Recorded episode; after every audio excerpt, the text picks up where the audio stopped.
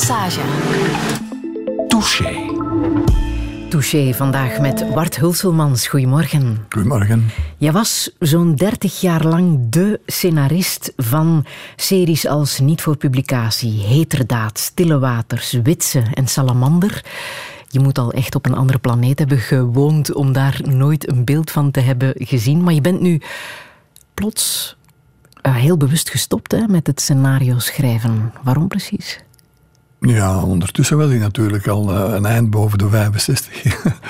en dat begint dan wel te wegen.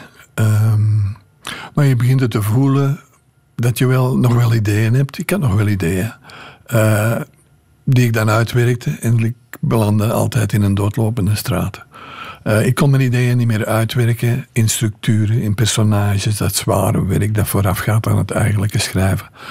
En dan begon ik zo half werk voor te stellen. En dan hoort je aan de commentaren van de regisseur of de producent zo van... Ik weet het niet hoor. Um, ik heb toch nog wel een paar vragen. En dat zijn van die uh, alarmlichten die afgaan. En, uh, dat kon je tijd, niet meer opbrengen. Begrijp je het wel, dat, uh, dat ze je stilaan de weg naar de uitgang wijzen. Aha. En dan moet je conclusies trekken en stoppen. Ik ben ook uh, meteen gestopt van de ene dag op de andere. Ik heb alles in de maandenwerk in de vuilbak gegooid en ik ben een dagboek begonnen. Mm -hmm. 135 avonden fictie verzonnen, maar aan geen enkele aflevering heb ik plezier beleefd, schrijf je. Is dat echt zo? Tja, als scenario schrijven plezant is, dan deed iedereen het natuurlijk. het is toch veel stress? Het is veel stress. Uh, het is het, uh, je bent schrijver, ik noem, me, ik noem me dat maar schrijver voor het gemak. Uh, je bent schrijver gedurende vijf, zes, zeven uren per dag. Maar dat ben je ook 24 uur rond de klok mm -hmm. ben je aan het werk, want dat stopt nooit. Bovendien ben ik volgens mijn beste vrienden een tamelijk onuitstaanbaar van karakter. En is het moeilijk om met mij samen te werken. Dus ik deed alles alleen. Ik heb altijd alleen gewerkt, alleen, ja. alleen. Uh, de keren dat we geprobeerd hebben van samen te werken met iemand, zijn we altijd op de klippen gelopen. Waarschijnlijk door mijn, door mijn goed karakter. en, en uh, zodanig dat je na 20, 25 jaar alleen te zijn geweest in één kamer op één stoel. Dat je ook wel echt moe bent. Ja. Dus uh, ik heb daar echt niet veel gelachen in mijn kamer. Ik heb vooral gewerkt. Ja. En uh, ik zie daar het plezier niet van in. De plezier, er is geen plezier. Er is alleen voldoening dat het af is. Mm -hmm. En voldoening dat de regisseur en de acteurs er iets moois van maken. En je bent inderdaad wel blijven schrijven aan een dagboek. Een dagboek dat vorig jaar is uitgekomen. Enkele reis realiteit. En overmorgen komt er opnieuw een boek uit. Morgen word ik nuchter. Twee boeken waar we het zullen over hebben in het uh, komende uur. Omdat het ook gewoon tijd was voor jezelf. Voor, voor die realiteit. Ja. Uh, tijd voor jezelf. Zo, ja. zo is het inderdaad. Want hoe je het ook draait of keert je schrijft, je legt er een stuk van je ziel en jezelf in, maar je praat altijd uh, met tussenpersonen. Via acteurs, via dialogen die je anderen in de mond legt. Je komt als schrijver uh, enkel aan bod in de subtekst, wat er niet staat. Zodat mensen begrijpen, ah, het gaat eigenlijk daarover. Dan kan je je tonen als schrijver. Maar rechtstreeks dingen op papier zetten die over jou gaan, daar was ik wel aan toe. Nou, en wie ben jij? Hoe zou jij jezelf ja. omschrijven? Ik heb het net gezegd, en, uh, volgens de meeste mensen een vindje om mee samen te werken. Maar ik ben iemand die zeer graag alleen is, die heel veel van rust houdt, van eenvoudige dingen, uh, maar na een tijdje dan ook heel onrustig wordt. Het is zo, bijvoorbeeld, ik stel me dat voor, uh, ik ben een renner in het peloton. En ik denk, niemand ziet mij. Ik draag een trui van een klein biermerk. En ik word niet opgemerkt. Ik krijg gewoon de koers uit. Dan is het goed. Maar ik kan het niet laten van elke, aan elke tussensprint meten, de, meten dingen. En soms val ik dan en uh, sta ik weer op. Soms win ik eens een spurtje. En op het einde ben ik blij dat de eindmeter is. Uh, dat wil zeggen, totale rust is niet goed, maar totale onrust ook niet. Dus ik zou liefst dikwijls verdwijnen, maar af en toe toch mezelf tonen. Ja. Je hebt ook wel veel gehad aan het eh, advies van Herman Terlink, die onder andere schreef: um, Wees persoonlijk, steek je nek uit en wees niet bang voor je eigen schaduwen. Ja. Wat herken jij daarin voor jezelf? Ja, daar herken ik mezelf totaal in. Uh, dat is het verschil tussen schrijven en opdracht en in opdracht en jezelf te uiten. Ik heb altijd geprobeerd van mezelf te uiten, al was het via tv-series, dingen te schrijven die ik graag op het scherm zou zien op mhm. mijn zondagavond. En die jou ook raken als verhaal? Ja, uh, wat mij vooral raakt is het lot van kleine mensen. Ik denk dat ik daar heel veel over heb gehad in, in, uh, in de series die ik heb geschreven. Uh, het lot dat kleine... Simenon zegt, het uh, is het grote drama in het leven van kleine mensen. En dat interesseert mij. En die kleine mens zit voor mij zowel in een fermetje, in een verkaveling, als op de stoel van de eerste minister.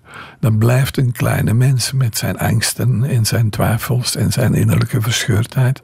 En dat was eigenlijk altijd mijn uitgangspunt. En ten tweede, wat altijd terugkwam bij mij, want ik, spreek nu altijd over het verleden natuurlijk, is de relatie tussen uh, ouder en kind is, ik denk, in, in elke serie uh, zeer sterk aan bod gekomen. Dus als ik een serie, uh, als ik uitgeschreven was, bijvoorbeeld niet voor publicatie of eerder dat, dan stopte ik er ook mee. Uh, men heeft gevraagd, maak een vervolg van Stille Waters, alsjeblieft. Zo'n succes heb ik niet gedaan. Ik heb, uh, heb ik maar één seizoen geschreven. Voor mij was het rond. En elke keer als, het, als ik mijn ding had gedaan, stopte ik. En zocht ik iets nieuws om, uit te drukken. Zoals mhm. Herman Terling zegt, als je jezelf niet geeft, geef je niets. Ja. Maar wees niet bang voor je eigen schaduw. Nee. Er is aan elk leven is er wel een schaduwkant. Ja, er zijn schaduwkanten en de, de, aandachtige kijker die me kent zal die herkennen in, in, vele, in vele tafereelen. Bart Hulselmans, welkom in Touché. Radio 1. 1. Friedel Lassage. Touché.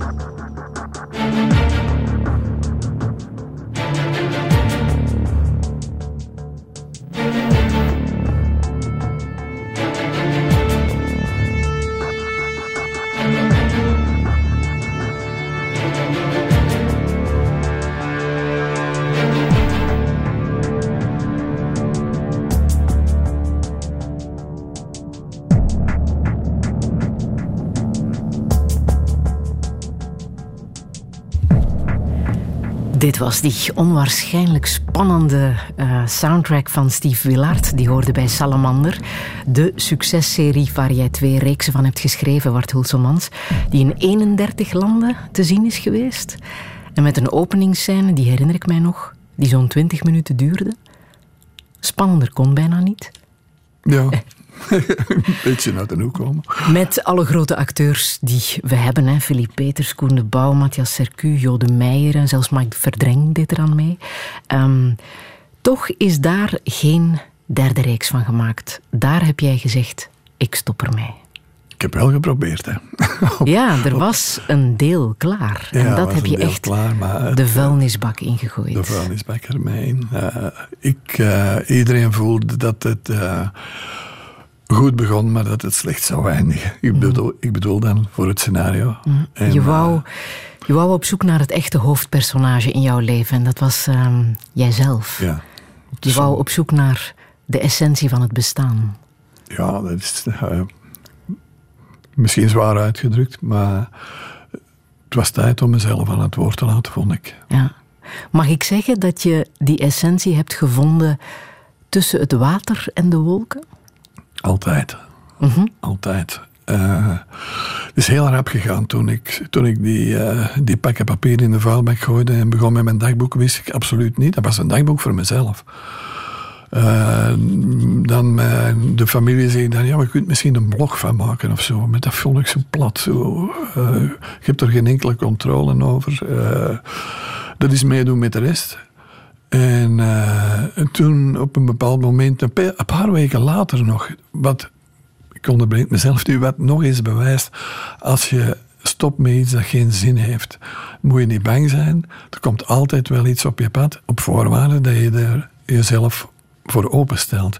En wie kruist mijn pad al na een paar weken? Joris van Bree. Een Antwerpenaar die hetzelfde, net een paar weken daarvoor hetzelfde had gedaan. Zijn carrière beëindigd als goed betaalde eh, ehm, ehm, tekenaar, grafisch, grafisch tekenaar, om by all means te proberen om een bureautje eh, op te richten dat gespecialiseerd was in reizen op vrachtschepen. En dat was precies hetgeen waar ik al, al, al sinds mijn jeugd naar verlangde. Dus ik heb, die, ik heb Joris direct opgebeld. We zijn twee dagen later zaten we samen in Antwerpen. En ik denk veertien dagen later of drie weken later zat ik op een vrachtschip naar Ierland. En wat fascineert jou zo aan reizen met een vrachtschip? Ja, dat is het echte leven. Het leven zoals het is, dat is geen cruise. Het, een cruise is, eh, is toerisme. Je neemt niet echt deel aan het leven, je stapt eruit. Maar op een vrachtschip blijf je erin. En toch leidt het je naar plekken die je nooit zelf zou kunnen verzinnen of die je in geen enkele reisbrochure terugvindt. Dat is gewoonweg water en wolken en Filipijnse matrozen om je heen, een motor die nooit stopt. En ehm, je bent daarvan een klein radertje van dat enorm vrachtverkeer dat je ziet op alle wereldzeeën. Eh, je geraakt zover dat je beseft wie je eigenlijk bent en hoe klein je bent. En het geeft natuurlijk ook een enorme rust om. Er is niks om u te amuseren. Eh, geen radio, geen telefoon, geen internet, geen wifi, geen, geen niks, geen televisie. Ik had zelfs geen boeken meegenomen. Gewoon om tussen het water en de wolken over zee, over zee te gaan. Er zit ook heel veel symboliek hè, in zo'n cargoschip. Uh, Ja. Je schrijft onder andere, dat is echt de middelvinger naar het vasteland als je op zo'n gigantisch schip zit. Ja, je, je, je verlaat alle beslommeringen, alle bekommernissen, al het gekissebis, al het geëtter, al het, eh, al, al het negatieve dat dikwijls aan wal het positieve overheerst, verlaat je. Je draait echt je rug om en je kiest voor het grote niks. En waarmee begin je, enfin, zonder dat je het zelf wilt, je begint aan een enorm proces van je wast jezelf van binnen. Door, door het nergens te zijn, door niet te weten waar je bent of waar je heen gaat, eh, word je stilaan vanzelf gewassen. En dat begint met je lichaam. Je lichaam zegt voor de eerste keer in jaren: Ik ben moe. Eh, soms, ik had morgens, was het ontbijt samen met de matrozen en de officieren, om pakt uh, acht uur, half negen. En om tien uur ging ik terug in bed, omdat mijn lichaam zei: Ik wil slapen. En in het normale leven aan de wal geef je daar niet aan toe.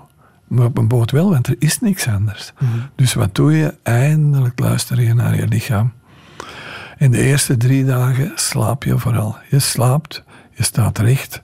Je hoeft niet te gaan eten, je hoeft niks te doen. Je kijkt naar de zee en je laat alles rustig binnencijpelen.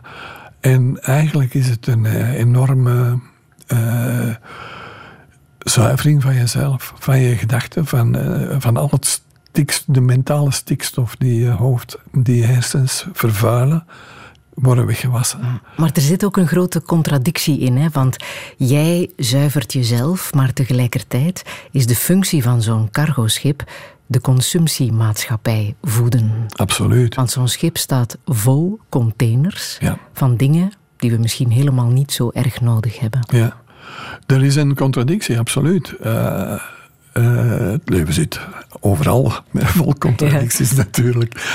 Ehm, maar eigenlijk, of je het nu aan boord gaat of niet, die cabine blijft ter beschikking. Het is niet, geen cabine voor jou. Het is niet een cabine op een cruiseschip. Uh, een cruiseschip is niet essentieel voor ons leven. Een vrachtschip wel. 90% van de wereldhandel gaat langs de zee. Dus of ik daar nu op zit of niet, die schepen blijven varen. Uh, nu, het is natuurlijk wel zo dat je deelneemt aan, het, aan een mechanisch gedeelte van ons kapitalistisch consumptiemodel. Maar ik denk dan, ik ben dan, ik was er 68, ik ga het consumptiemodel niet vernietigen door nu niet aan boord te gaan. dus uh, dan maar wel, dan red ik misschien toch mezelf. En dan kan ik zelf mijn betere bijdrage geven tot deze wereld.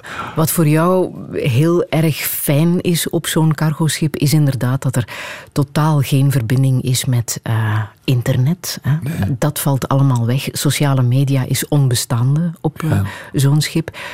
Daar ben jij sowieso geen fan van, hè, van de sociale media. Nee, ik heb ook. Uh, ik, ik, heb. tot, dat is wel een grappig verhaal twee jaar geleden dacht ik van ik kan leven zonder smartphone. Ik kan leven enkel met een gsm'tje, een Nokia van 38 euro. En heb ik volgehouden tot ik met het volgende vrachtschip in Istanbul strandde. En niet van boord mocht door een koppige uh, scheepsagent. Uh, mijn hotel was geboekt in Istanbul voor de nacht door te brengen, omdat ik morgens een gereserveerde vlucht naar Brussel zou nemen. En die kerel die komt aan boord, ik sta daar met, mijn, met mijn tas klaar om af te monsteren. En die zegt gewoon, je mag niet van boord. Waarom? Daarom. Je mag niet van boord. Het is zondag. De mensen die jou de toestemming moeten geven, zijn hier niet en je blijft aan boord. Trouwens, wat, kom jij hier doen? Ik zeg, ja, ik ben met een vrachtschip aangekomen en... Uh, ik kom naar Istanbul en morgen vlieg ik terug. Ah, dus jij reist veertien dagen naar hier, naar Istanbul, naar onze mooie stad. En zaterdagmorgen ben je al weg. Dat was hoogst verdacht natuurlijk. en uh, ook het feit dat ik geen smartphone had. Ik kon niks bewijzen eigenlijk. Mm uh, ben ik aan boord moeten blijven. En eigenlijk was dat een enorm moment van bevrijding. Dus ik dacht dat ik terug kon inschakelen met de wereld van de wal, de wereld van elke dag die we kennen en direct zou kunnen mee, mee marcheren, verder terug marcheren. En ineens zegt iemand, een Turkse etter, zegt nee. En eigenlijk toen ik dan uh, even van boord was geweest en terugwandelde naar het schip en die, die lange gangway opging naar boven, naar de matroos die mij stond op te wachten, dan was ik had ik zo'n enorm vrijheidsgevoel, dat was onbeschrijfelijk. Normaal slaagt iemand dan in paniek, eh, omdat alles geregeld is en alles valt in duigen. En bij mij zorgde dat voor een enorm rustgevoel. En dan ben ik uh, gaan slapen. En s'avonds werd ik wakker in een andere haven. En uh, daar ben ik dan van afgemonsterd, van boord gegaan. En dankzij Joris dan, met de telefoon, ben ik uiteindelijk toch terug thuis geraakt. Maar dan besef je pas, ik ben met mijn Nokia'tje niks meer.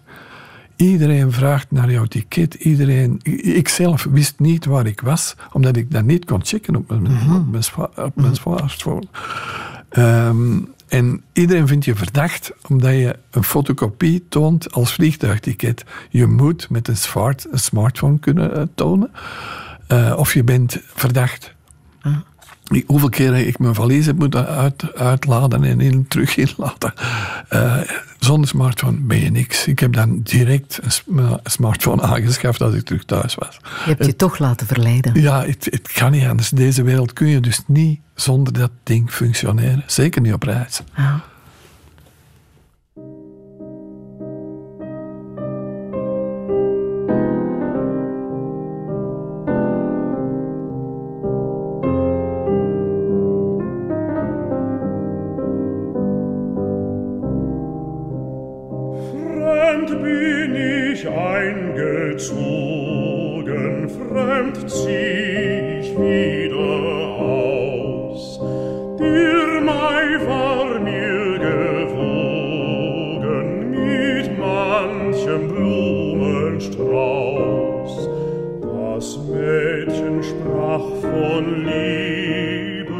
Uit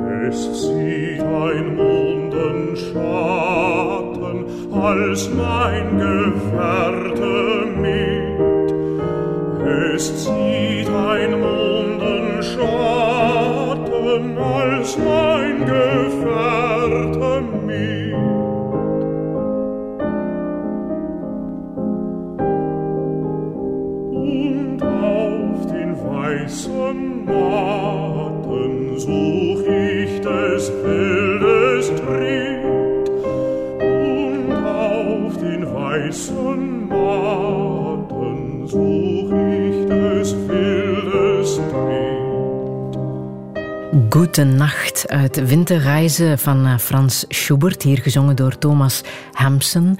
Bart Hulselmans, maar ik las in jouw boek dat jouw moeder dit ook kon zingen. Weet je dat nog? Bij de afwas. Ja, bij de afwas. Uh, ja, bij de afwas. Of ze droeg dan gedichten van Schiller voor. Uh, mijn moeder uh, is, was, had een enorme liefde voor de Duitse taal ik zeg niet dat ze Duits vriendelijk was, maar uh, de Duitse taal fascineerde haar enorm. En uh, in die tijd woonde zij in Turnhout en moesten zij Duitse officieren inkwartieren.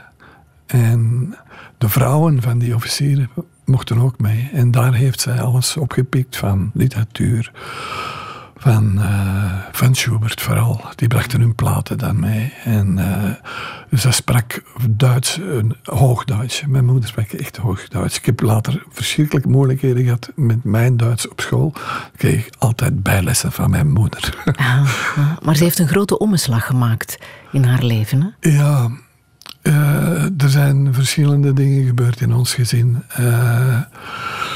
Toen ik vier was, verloor ik, uh, en verloren zij vooral, uh, hun dochter, mijn zus.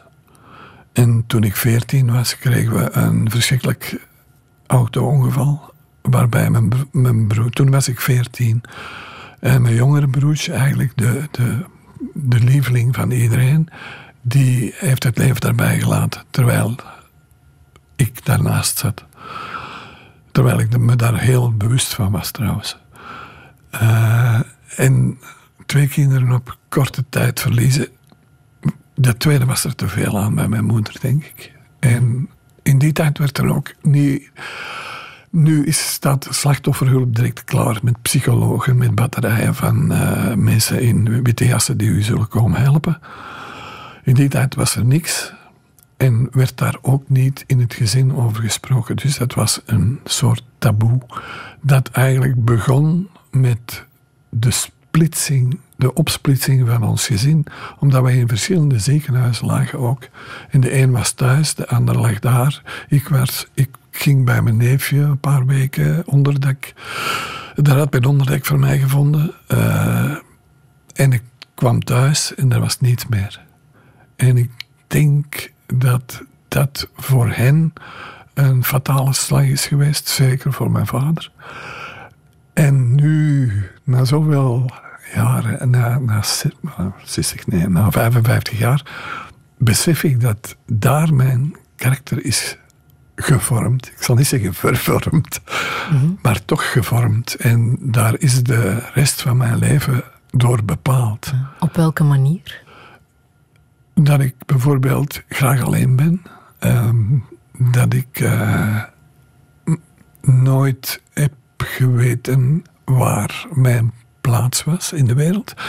En ik denk dat ik niet de enige ben. Ik denk dat er zeer veel mensen denken van, als ze om zich heen kijken, iedereen weet hoe het moet, behalve ik. Iedereen kent de sleutel tot het leven, behalve ik. Iedereen weet uh, wat hij moet zeggen, wat, wat, hij moet aandoen, wat hij moet antwoorden op bepaalde vragen, uh, wat hij gaat doen. En ik niet. Ik ken de code niet. Iedereen heeft ze en ik niet. En ik denk dat ik, ik hoop dat, dat er uh, heel veel mensen zijn die ik daarmee wakker schud. En door te zeggen, je bent de enige niet die, die zich onbehagelijk voelt. Ik heb dat, die, dat onbehagen kunnen uiten in mijn werk. Dat is mijn geluk geweest trouwens. Uh, ik zal het voorbeeld noemen van Salinger, de schrijver van The Catcher in the Rye. Die, de, mens, de oorlog heeft, hem, heeft de mens Salinger vernietigd, maar de schrijver geschapen. Nu wil ik me niet met de, van de grootste schrijvers vergelijken natuurlijk. Maar dat is ongeveer het geval. Het accident maakt iemand anders, doet iemand anders geboren worden. En uh, wat is de essentie van een schrijver dan? Hij schrijft omdat hij niet akkoord is met de wereld zoals zij bestaat. Je wil die in je werk altijd herschikken. Je bent een beetje de redresseur du destin. Uh, je bent niet akkoord. En je laat je personages zeggen wat jij ervan denkt of doen. Mhm.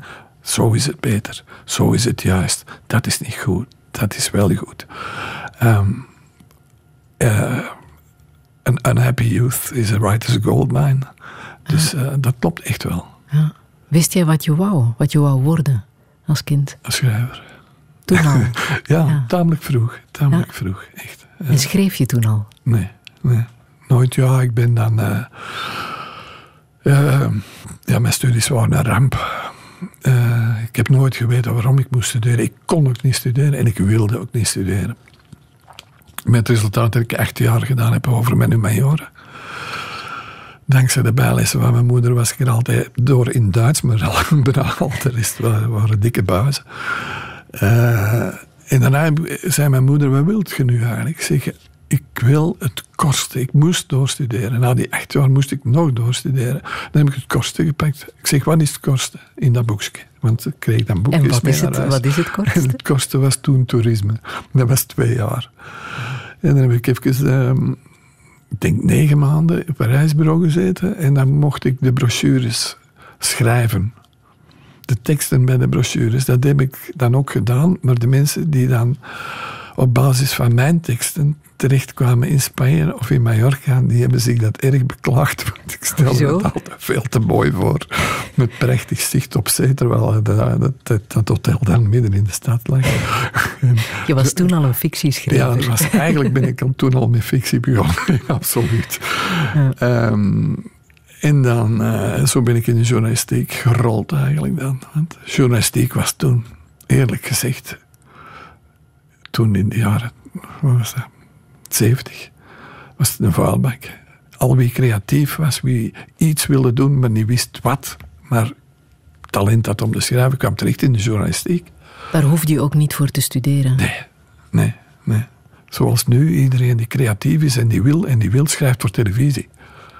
En toen was dat de journalistiek. Ah.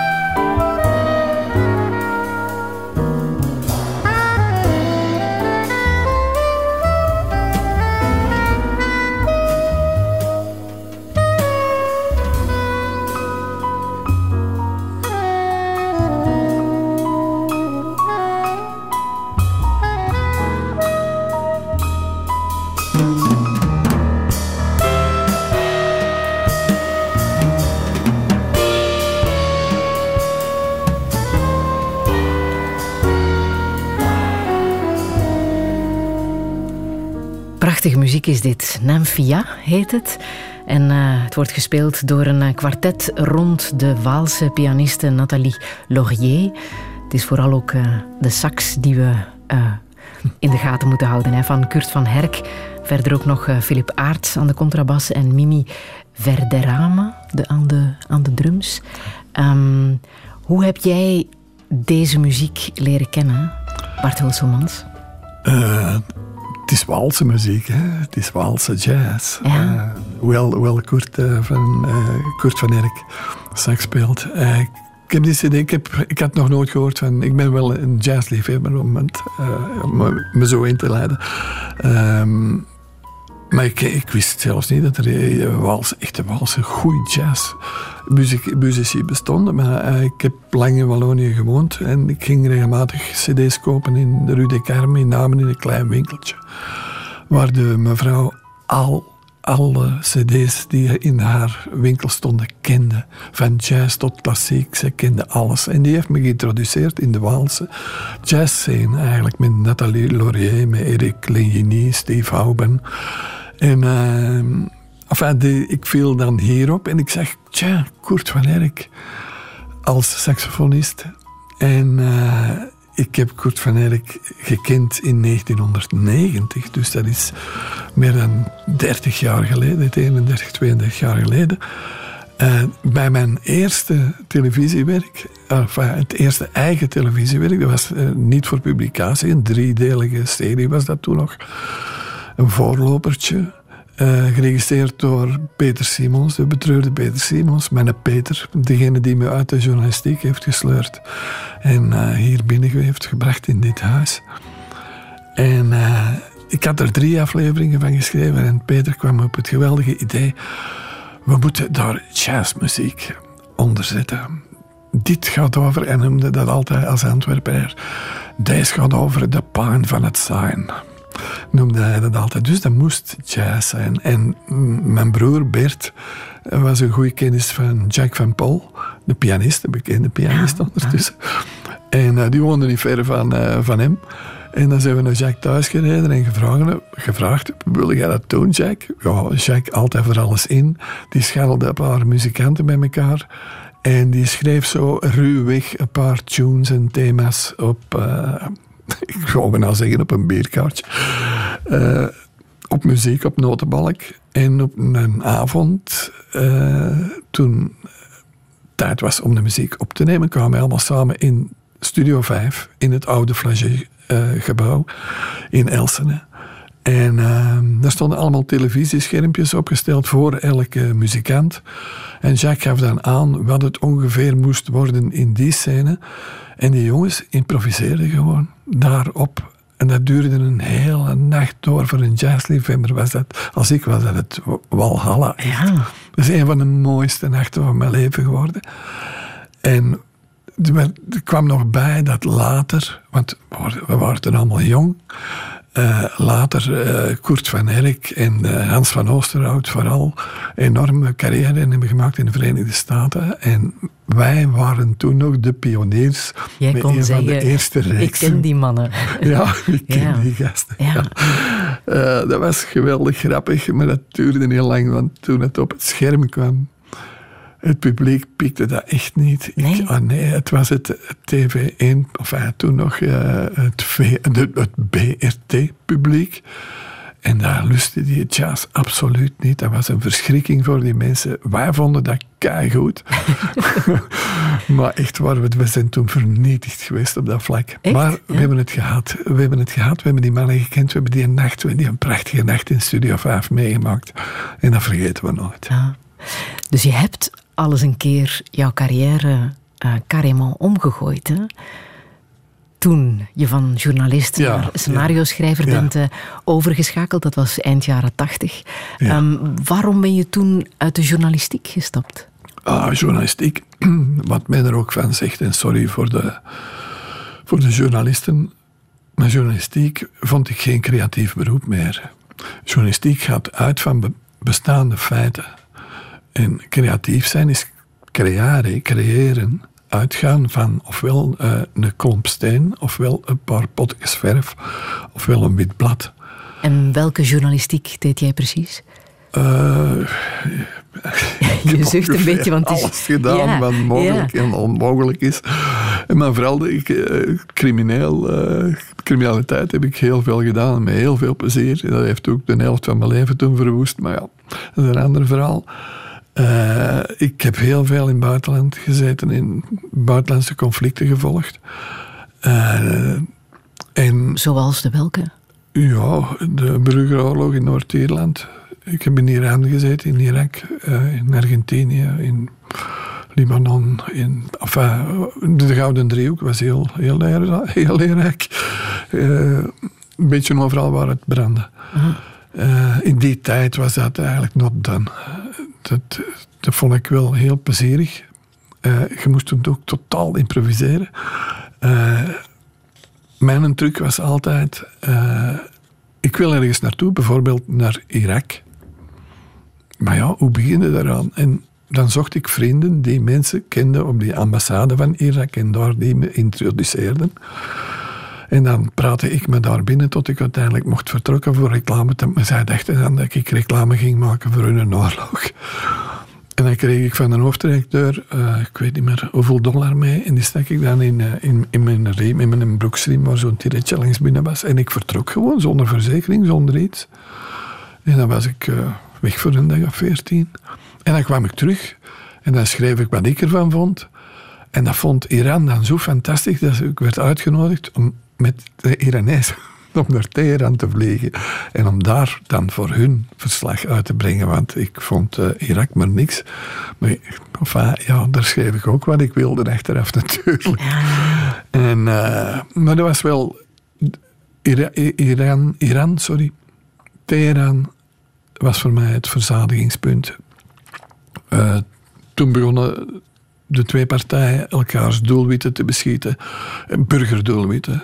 Met raketten en echt, uh, dat was een rakettenregen zoals nu op de Gazastrook. En ik zat daar middenin, ik zat op de bovenste verdieping van een hotel samen met een Australische fotograaf van Blackstar. En dan zijn wij een paar dagen en nachten in de kelder gaan logeren. Uh, naast een beetje verder was een kinderhospitaal dat gebombardeerd wordt. Daar waren wij ook als eerste bij. En dan heb ik gezegd, nooit meer. Ik pak het eerste vliegtuig terug. En dan ben ik tien jaar niet in het buitenland geweest. Het was zo'n shock. Mhm. Ik was toch wel wat gewend. En ik heb gezegd, ik stop. En daarna ben ik zo snel mogelijk uit de journalistiek gestapt ook. En ben je scenarist geworden? Ja. Maar heb je wel die ervaring natuurlijk geweldig goed kunnen gebruiken. Als er iemand weet hoe je spanning moet opbouwen in een serie, dan ben jij het wel natuurlijk. Ja. Heb je ook effectief uh, personages, situaties uh, gebruikt in alle series die je hebt geschreven? Nee, weinig. Weinig. De, de, de dingen wel. Die ik zelf heb meegemaakt, nee, eigenlijk nooit. Nee. Uh, nee, dat niet. Maar er is altijd wel één personage geweest in al jouw series die riep: rechtvaardigheid bestaat niet. Ja. Die one-liner moest er altijd Die moest er altijd Waarom? in. Uh, omdat het leven gewoon niet rechtvaardig is. Ik heb het zelf meegemaakt. Uh, heel mijn leven is vallen en opstaan. En niet omdat ik het zelf gewild heb, in sommige gevallen gewild natuurlijk, maar het lot uh, heb je niet in de hand. Je bent een speelbal van het lot. En ik zeg altijd, het, het leven is, is geen contract. Je sluit geen contract af met het leven. Je krijgt dat. en hoe moet ik zeggen? Uh, geluk, mensen jagen geluk na, maar geluk is maar een nevenverschijnsel in het leven dat je moet leiden. Uh, het leven is een, ja, is een ganzenbord, is een, is een uh, pokerspel waar je de regels niet van kent. Toen mijn zoon stierf op zijn twintigste, bijvoorbeeld, dacht ik, nu ben ik safe. Ze komen niet meer bellen. Want ik heb al gegeven. Ze zijn al langs geweest. Maar tien jaar later komen ze mijn dochter halen. Dus je hebt geen enkele garantie. Je moet alleen voorbereid zijn op het, op het ergste, zal ik niet zeggen, maar be prepared. Wees voorbereid dat het allemaal niet vanzelf gaat. En als je tegenslag hebt, ik zeg altijd, trek je broek op, jank niet te veel en ga verder met het leven. Uh, voilà. Uh, ik denk, mijn grootste cadeau of mijn grootste schatkamer als schrijver is dat ik geleefd heb. En uh, met vallen en opstaan. En dat ik het leven ken. Uh, ik heb niet veel gestudeerd, zoals ik al gezegd heb. Maar ik heb het wel meegemaakt. En uh, veel jongens die op hun twintigste scenario's beginnen schrijven. Ik vind dat niet erg gezond. Je leert dan wel scenario's schrijven, maar je, hebt, je maakt je een bepaalde voorstelling van het leven zoals het zou zijn. Uh, niet zoals het echt is. Mm. En ik hoop voor die gasten die, die allemaal dan tegenwoordig scenario's, scholen hebben gevolgd, dat ze eerst toch een, iets anders doen en het mm. echte leven leren kennen. Dat blijft een onuitputtelijke bron van inspiratie. Je hebt zelf het meeste geleerd van Georges Simenon, zeg je zelf. Hè? Dat is jouw echte ja, mentor ja. geweest ja, op vele vlakken. Ja, absoluut. Uh, uh, Simenon uh, hij is niet alleen bekend van zijn. Uh, hij heeft meer dan honderd echte romans geschreven. Hij had eigenlijk de Nobelprijs moeten krijgen, maar zwart, hij behoorde niet tot het juiste clubje waarschijnlijk en hij was te populair. Maar Simenon heeft me verzoend met het idee dat het niet erg is dat ik geen studies heb gedaan, bijvoorbeeld. Hij heeft dat ook niet gedaan. Hij is van zo'n veertiende beginnen werken. En toch heeft hij zich geschoold tot een van de meest verkochte schrijvers van de wereld. Dus hij vond, hij vond het absoluut niet erg. Wat hij wel kende, wat hij wel had gevolgd, was de Universiteit van het Leven. In Luik in de tijd. Op zijn 16 jaar was hij al journalist. Hij heeft het leven echt goed doorgrond ook. En uh, zijn stijl vind ik fantastisch. Uh, hij zegt altijd met een ik gebruik maar 2000 woorden. Nu dat natuurlijk niet lichtjes overdreven of onderschat. Maar in het begin dat hij bij de Parijse krant Le Matin zijn verhaaltjes ging verkopen, want hij verkocht ze één voor één. Elke dag schreef hij een paar, hè, dat was ongelooflijk. kwam hij altijd bij de eindredactrice terecht, Colette en die heeft hem leren schrijven, die heeft hem leren schrappen. Want schrijven is schrappen. En die zei altijd, supprimer toute literatuur, moptissime. Elke literatuur vermijden. Uh, schrap de bijvoeglijke naamwoorden, schrap de bijzinnen, schrap de dit, schrap de dat. Uiteindelijk op zijn, wat hij was toen 20, 21 jaar, was hij toen hij echt boeken begon te schrijven in plaats van verhaaltjes, een gevormd schrijver. En dat is zo fantastisch aan hem. En met die 2000 woorden heeft hij ongelooflijke dingen gedaan.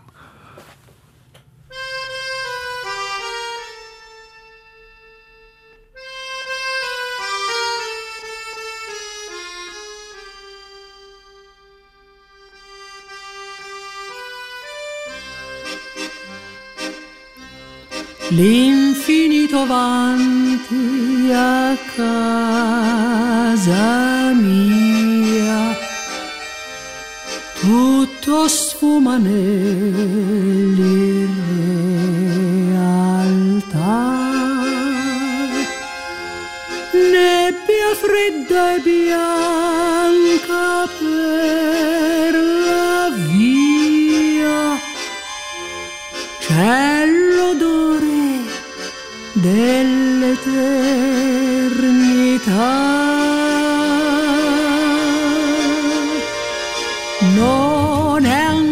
Primavera, ma di sicuro non tarderà. Vedo già la sua bandiera, la sua fanfara, la sento già. Finalmente le manine arrivano e la fine dell'inverno annunciano come un sogno che si avvera la primavera ritornerà la più bella del paese oggi si sposa, ecco perché la manina le si posa sul raso rosa del décolleté. L'aria allegra della fisarmonica le manine attira e quelle ballano. Preso da un ricordo antico, ride anche il cieco di cantare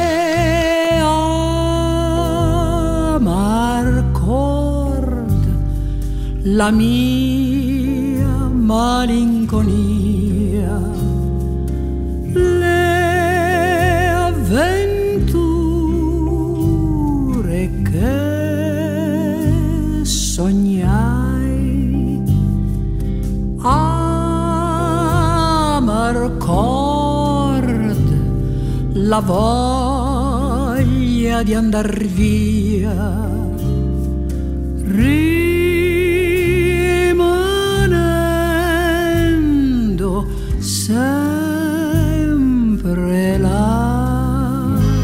Het is muziek van Nino Rota. Het komt uit de film Amarcord, de autobiografische Oscar-film van Federico Fellini uit 1973. En we hoorden de stem van Katina Ranieri met Mia Malinconia. Bart Hulselmans, het is een prachtig lied. Hè?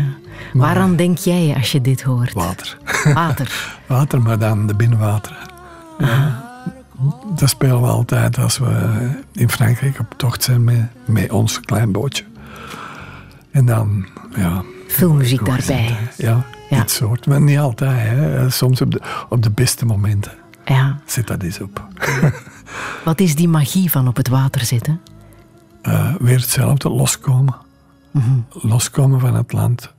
Het, het, het is magisch. Hè? Ik, eh, ik- gisteren reed ik van mijn Waalse stik, die ik nog altijd heb, langs de Maas, eh, langs Dienend, naar de 411, om naar Antwerpen te rijden.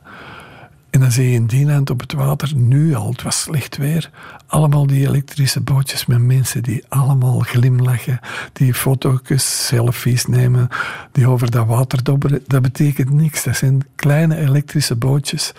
Maar al die mensen, mocht ze, en dat doe ik elke keer als ik langs rijd, bekijk ze allemaal, ze hebben allemaal een glimlach.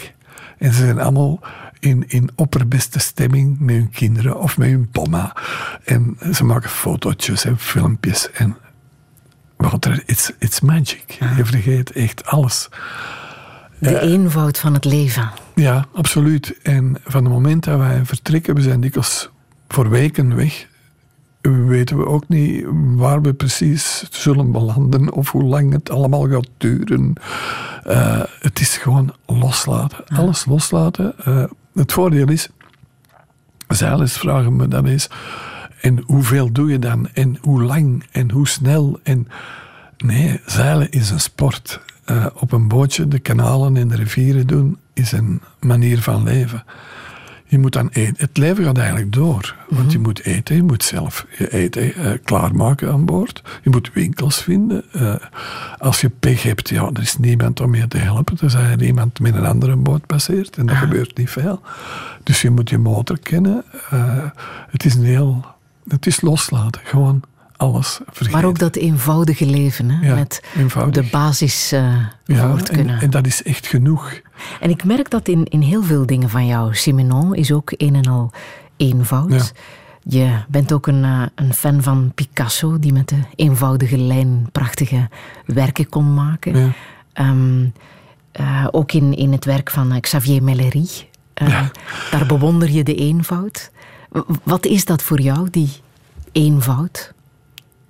Dat we niet genoeg stilstaan bij dingen.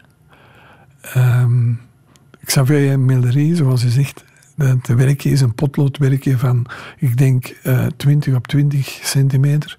En dat stelt een overloop van een trap voor, een, een palier, zoals ze zeggen. Van de ene verdieping naar de andere. Het is niks meer dan dat. Maar als je daarnaar bij stilstaat, roept dat een enorme wereld op, bij mij toch, van de jaren, eh, rond de eeuwwisseling, de jaren 1900 in Brussel. En je kun je afvragen, wie is daar het laatst gepasseerd? Wie is het laatst naar boven gegaan? Wie heeft daar gewoond? Wie heeft daar gestopt? Wie heeft daar misschien geweend? Ehm, dat roept voor mij een hele wereld op. Alleen die, dat, dat stompalieke. Um, er is een Franse uh, surrealist, Francis Ponge. Die heeft een heel boek gemaakt over la table, de tafel. Waarin hij al de varianten in de kwaliteiten en de enorme dienstbaarheid van een tafel beschrijft. Je zegt, allee, dat kan toch niet dat iemand een boek vol schrijft over een tafel? Jawel, dat kan wel. En alle afgeleiden erbij. Nu, uh, er is een, uh, een Vlaamse, een Brugse uh, kunstenaar, Benoit van Innis, die vele mensen kennen als de voormalige karikaturist van, van onder andere Humo, Perry Match, de New Yorker. En die heeft ik heb daar twee werkjes van gekocht, heel, heel kleintjes hoor, pintekeningen. In de een staat van Francis Ponge een, een citaat. Uh, le charme de la table et de s'y trouver. De charme van een tafel is van er zich aan te bevinden, van er aan te kunnen gaan zitten.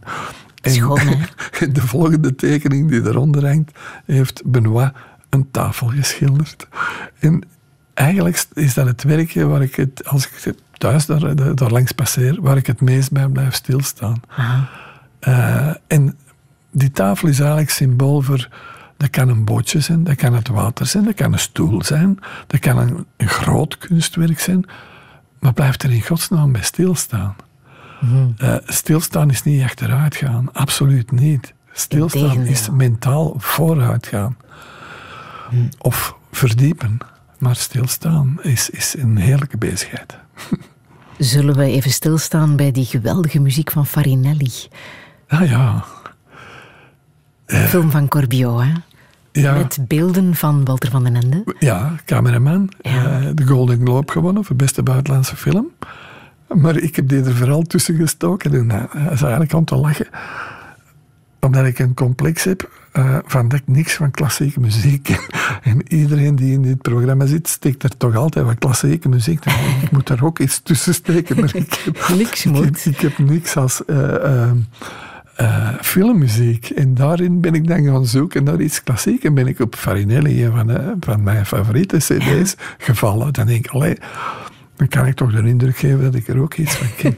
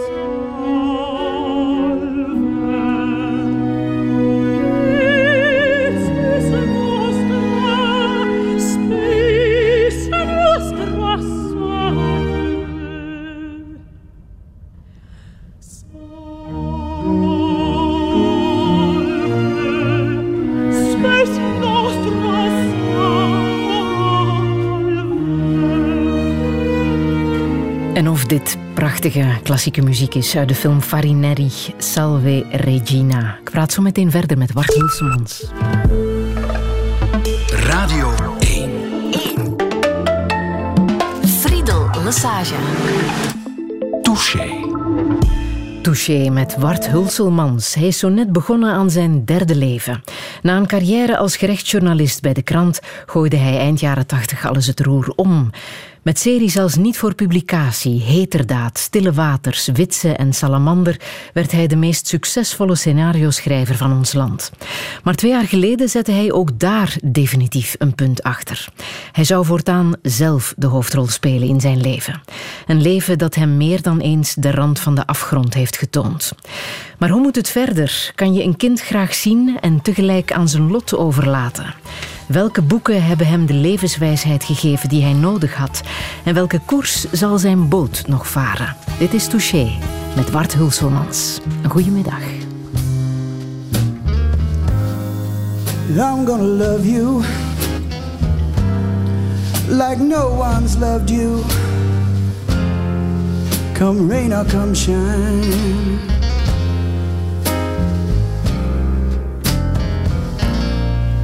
High as a mountain, deep as a river. Come rain or come shine.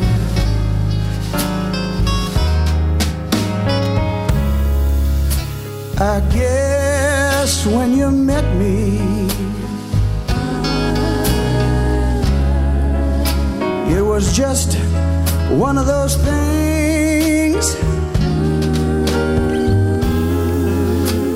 Don't ever bet me, cause I'm gonna be too well if you let me. You're gonna love me like nobody's loved me. Come rain or come shine.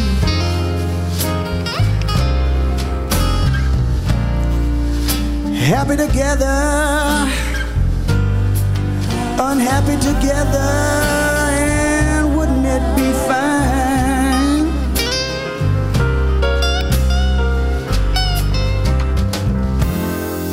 Days may be cloudy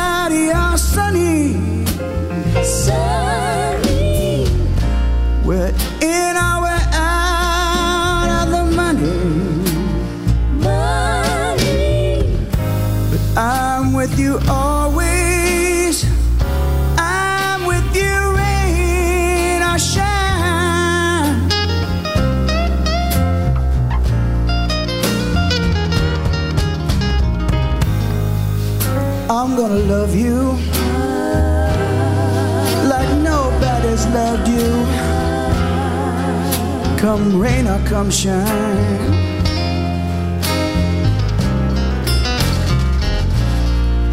Happy together,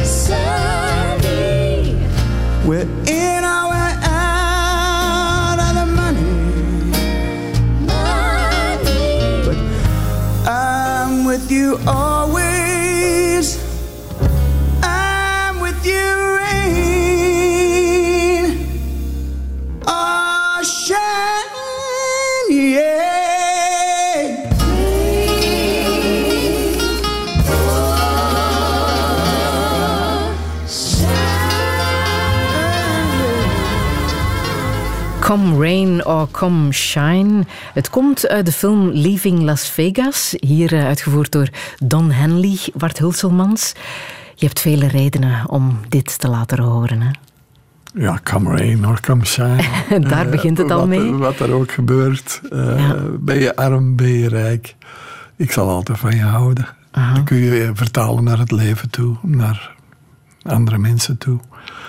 Eh, je, je moet al echt van stal en beton zijn om meer niet ontroerd van te worden, vind ik. Ja. Die film, Leaving Las Vegas, Ja. is ook wel een eh, bijzonder verhaal, hè? waar dit nummer in te horen is. Ja, dat gaat over, over een scenario schrijver. Nicolas Cage, die eh, zijn, zijn carrière in Hollywood eigenlijk de nek omwringt door totaal aan de drank te geraken en dan ontslagen wordt.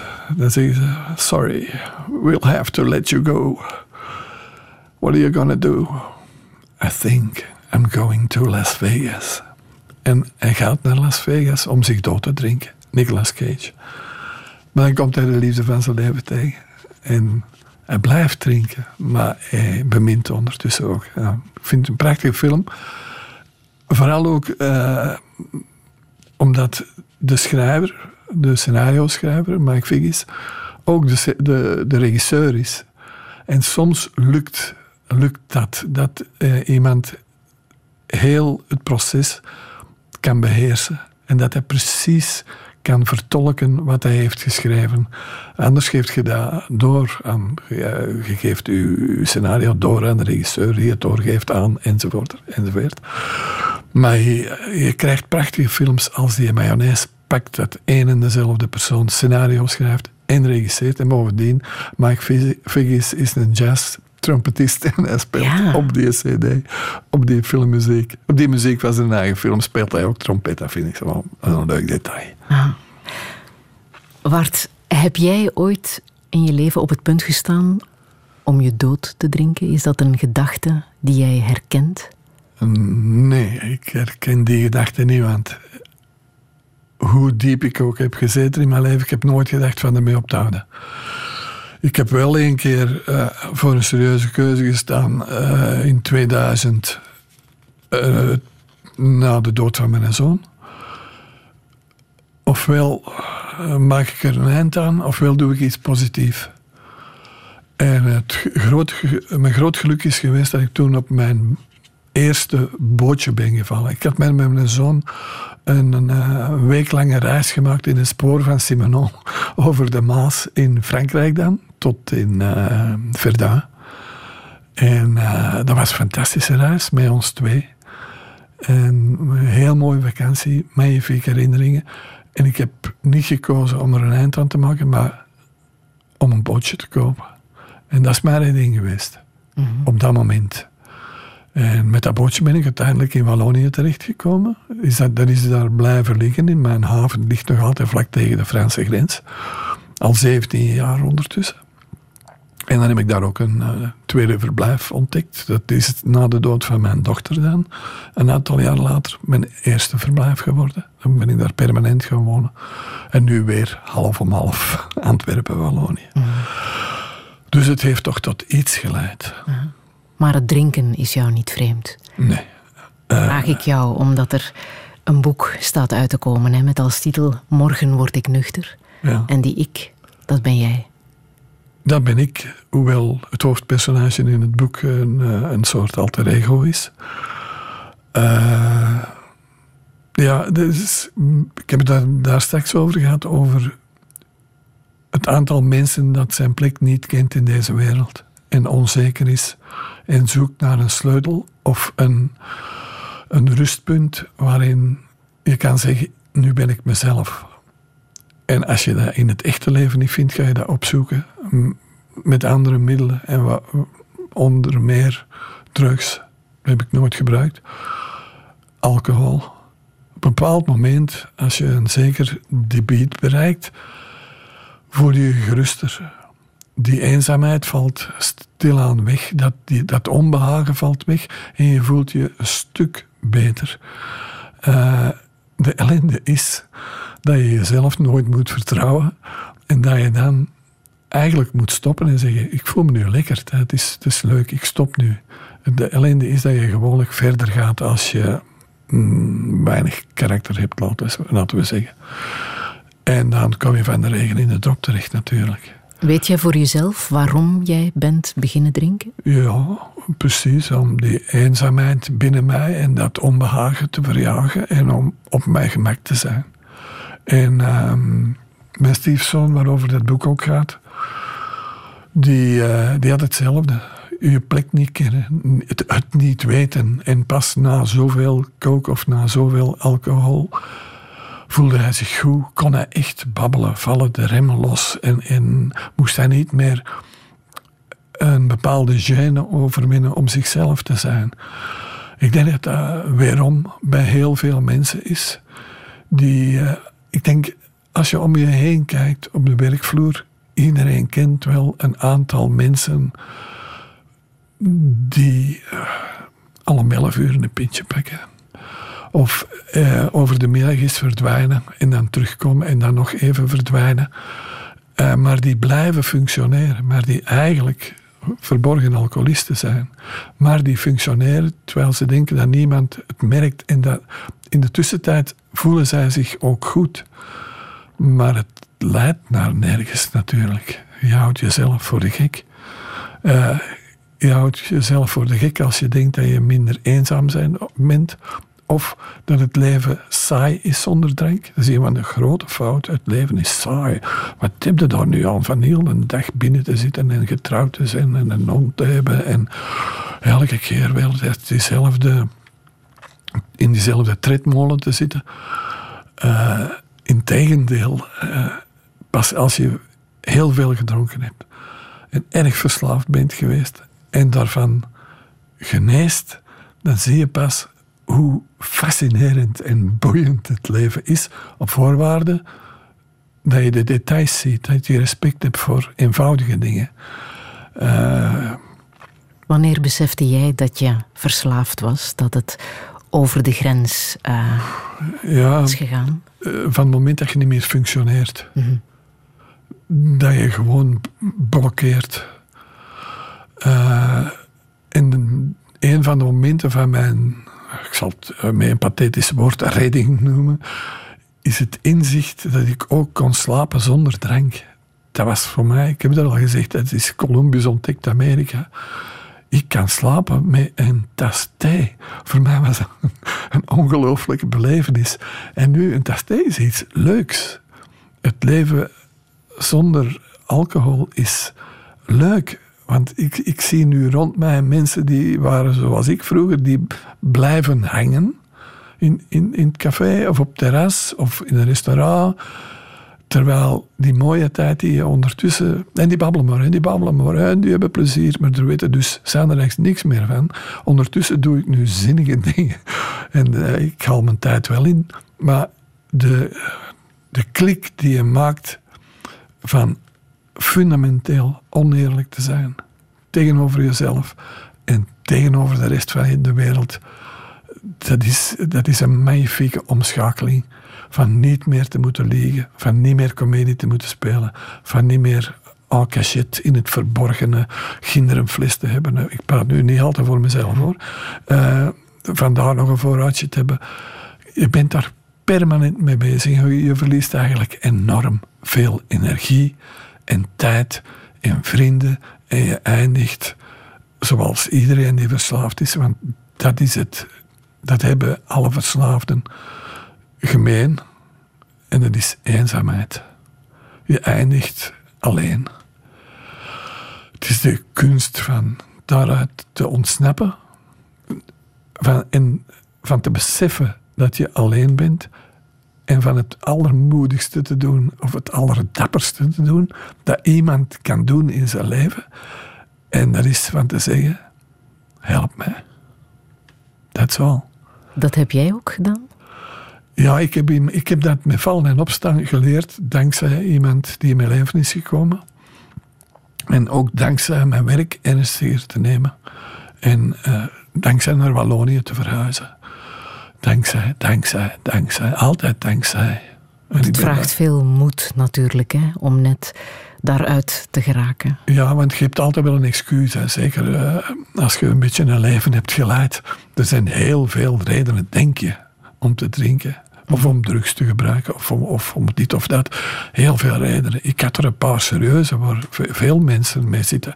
Dus ik deed dat. Uh, Pieter, mijn uh, stiefzoon zal ik hem noemen die, die had ook zijn reden. Iedereen denkt dat hij een reden heeft om te drinken of zich te drogeren, maar er is geen reden goed genoeg om dat te doen.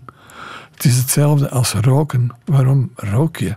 Ja, ik rook. Uh, als ik me slecht voel, dan, oh, een sigaretje, dat helpt.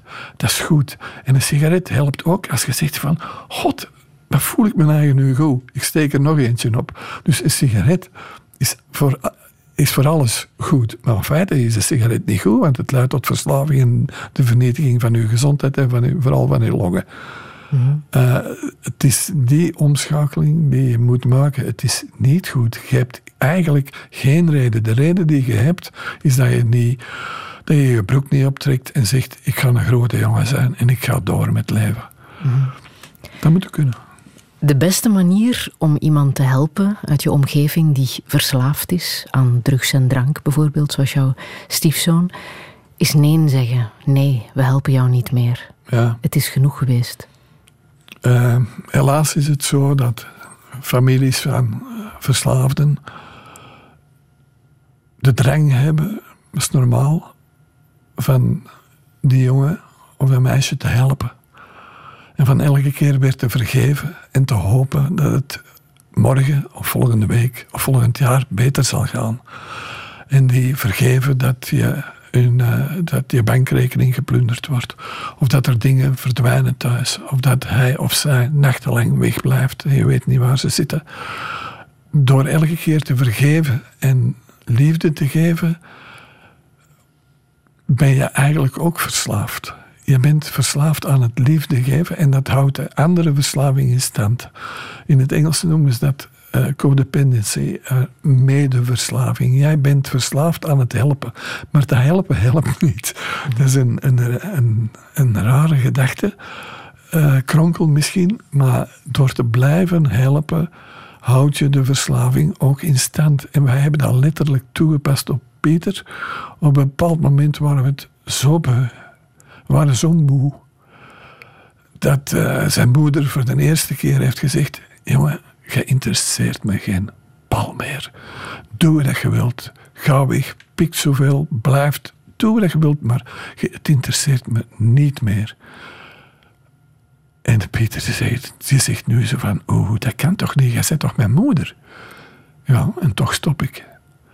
En een paar dagen later heeft hij het begrepen dat hij nergens meer naartoe kon. Zijn moeder was zijn laatste redmiddel.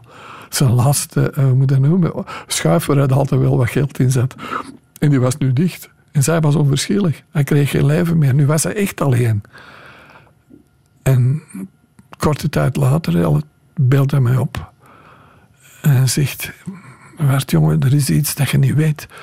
Ik drink niet alleen, maar ik zit verschrikkelijk onder kook. Help mij. En tja, uh, natuurlijk had hem daarbij het ophangen al direct spijt van, want oh, wat heb ik gedaan? Uh, nu, nu moet ik echt boven water komen. Uh, maar het was al te laat, want we zijn onmiddellijk naar de, zijn dokter gereden. We hebben raad gevraagd. Gelukkig is was een fantastische dokteres in dit geval. Die heeft ons verwezen naar een vereniging die onder heel streng regime in Zuid-Afrika verslaafden opvangt en maanden aan een stuk bijna gevangen houdt en heropvoedt. En een week later zat hij op het vliegtuig. En nu is hij al 4,5 jaar nuchter. Heel trots. Ja, dus het helpt. Het helpt. Ja. Niet geen liefde geven helpt soms. Ja, bizar. Je hebt een, een heel mooi citaat ook van Arthur Rimbaud meegebracht, dat daarmee te maken heeft. Ja. Het is eigenlijk een citaat van zijn moeder. Hè? Het is een citaat van zijn moeder. Wat, wat hier ook een beetje van toepassing is. Ja. Uh, Rimbaud is een van de grootste, ik zal zeggen, liefdesdichters die er, heeft, die er is geweest in Europa. Uh, maar iedereen vergeet dat hij op zijn twintigste gestopt is met uh, gedichten schrijven. En hij is naar Afrika vertrokken, naar de verschrikkelijkste plekken in Afrika. De Hoorn van Afrika, Somalië, Aden, Eritrea. Ik ben daar zelf geweest tijdens de hongersnood. Het is een vreselijke uithoek van de wereld. Om uh, aan handel te doen, karavanen op te zetten. En heeft daar verschrikkelijke dingen meegemaakt, afgezien. En hij liet zelden van zich horen aan zijn moeder. En zijn moeder zat hier hij had een slechte verhouding met zijn moeder, maar omdat hij niet schreef, ging zij eraan ten onder aan onrust. En dan schrijft zij uiteindelijk een brief op 10 oktober 1885. En het begint zo. Deze keer is het acht lange maanden dat we geen nieuws van je hebben gehoord. Het heeft geen zin om je iets over onszelf te vertellen, omdat alles wat van ons is je zo weinig interesseert. Maar toch, Het is niet mogelijk dat je ons zo vergeet. Wat is er toch met je gebeurd? Heb je schrijfverbod? Word je gevangen gehouden? Of ben je misschien zo ziek dat je je pen niet meer kunt vasthouden? Arthur, mon fils, jouw zwijgen duurt zo lang. Waarom dat zwijgen? En nu komt het citaat dat ik eigenlijk bedoel. Het is eigenlijk een verzuchting. Gelukkig zij die geen kinderen hebben, of gelukkig zij die niet van hen houden. Zij staan onverschillig tegenover alles wat hun kan overkomen. Dat is een vreselijke zin, maar. Bikkelhard. Ja. Maar er zit veel waarheid in voor jou. Ja, als je geen liefde hebt, kun je ook niet gekwetst worden, wil dat zeggen. Je hebt ook veel gehad aan Graham Greene. Ja, Kern van de zaak heeft hij geschreven. Wat Ja. heb je daaruit overgehouden? dat je jezelf moet beschermen. Dat je niet iedereen ter hulp moet snellen eh, die denkt dat hij recht heeft op jouw medelijden of jouw hulp. Dat er eh, in artiesten, echte artiesten, ik, ik ben geen artiest, ik ben, ik ben een vakman. Eh, maar echte artiesten beschermen zichzelf tot het uiterste.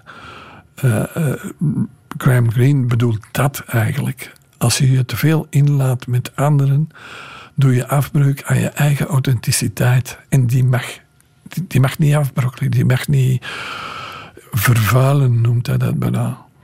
Picasso heeft hetzelfde gedaan. Die, zijn goede vriend Max Jacob, hij had kunnen verhinderen. Picasso had kunnen verhinderen dat Jacob door de, door de nazi's werd opgepakt. Dat was de Jood. Maar hij heeft dat niet gedaan, omdat dat te ingrijpend was voor zijn eigen leven en dat het zijn groot genie in gevaar zou kunnen brengen. Eh, Joseph Conrad, de schrijver van Heart of Darkness, hetzelfde. Die, zegt gewoon dat het, eh, de andere eh, vergif is voor je eigen authenticiteit. Alles wat te dichtbij komt, kan u in gevaar brengen, zegt hij.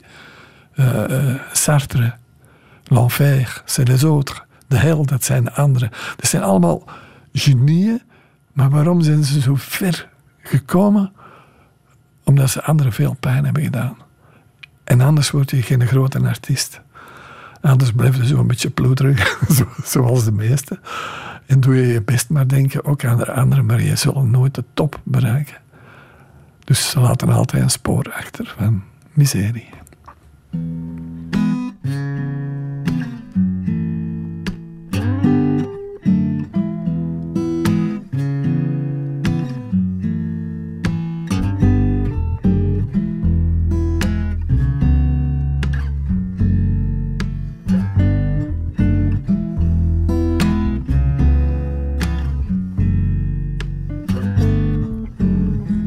Know why you're crying.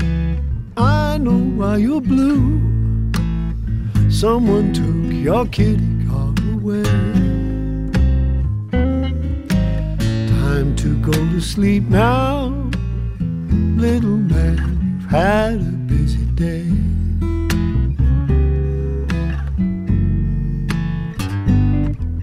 Someone took your marbles. Tell you what I'll do. Dad'll buy some new ones right away. Time to go to sleep now. Little man, you've had a busy day.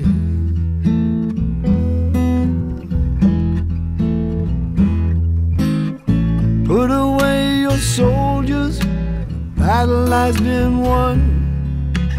Enemy out of sight.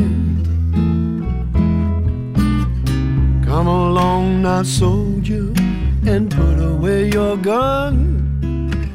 War is over for tonight. Time to stop your scheming. Time your day was through.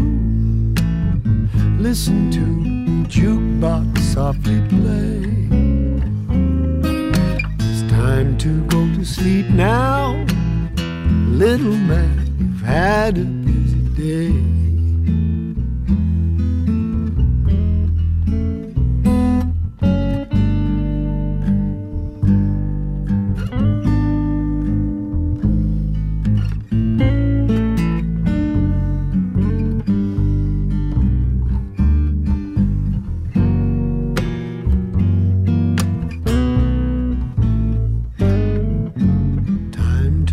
Stop your scheming. Time this day was through. Listen to the jukebox softly play. It's time to go to sleep now. Little man, you've had a busy day.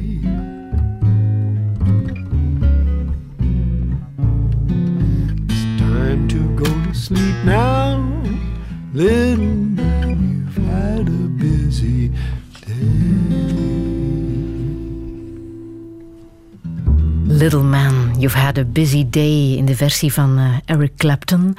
Een prachtig nummer over vaderliefde. Bart Hulselmans, waarom wou je dit laten horen? Clapton. Ik volg Clapton al ja, van in 1966, denk ik. Ik, ik, ik heb iets gemeen met Clapton. We zijn alle twee onze zoon eh, ver- verloren.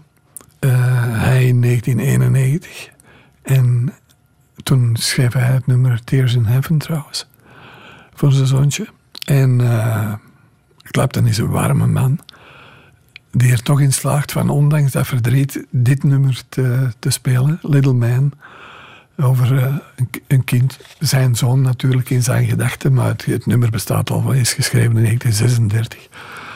Eh, waar hij zijn zoontje onderstopt en zegt: Je bent nu heel erg moe na een hele dag oorlogje spelen.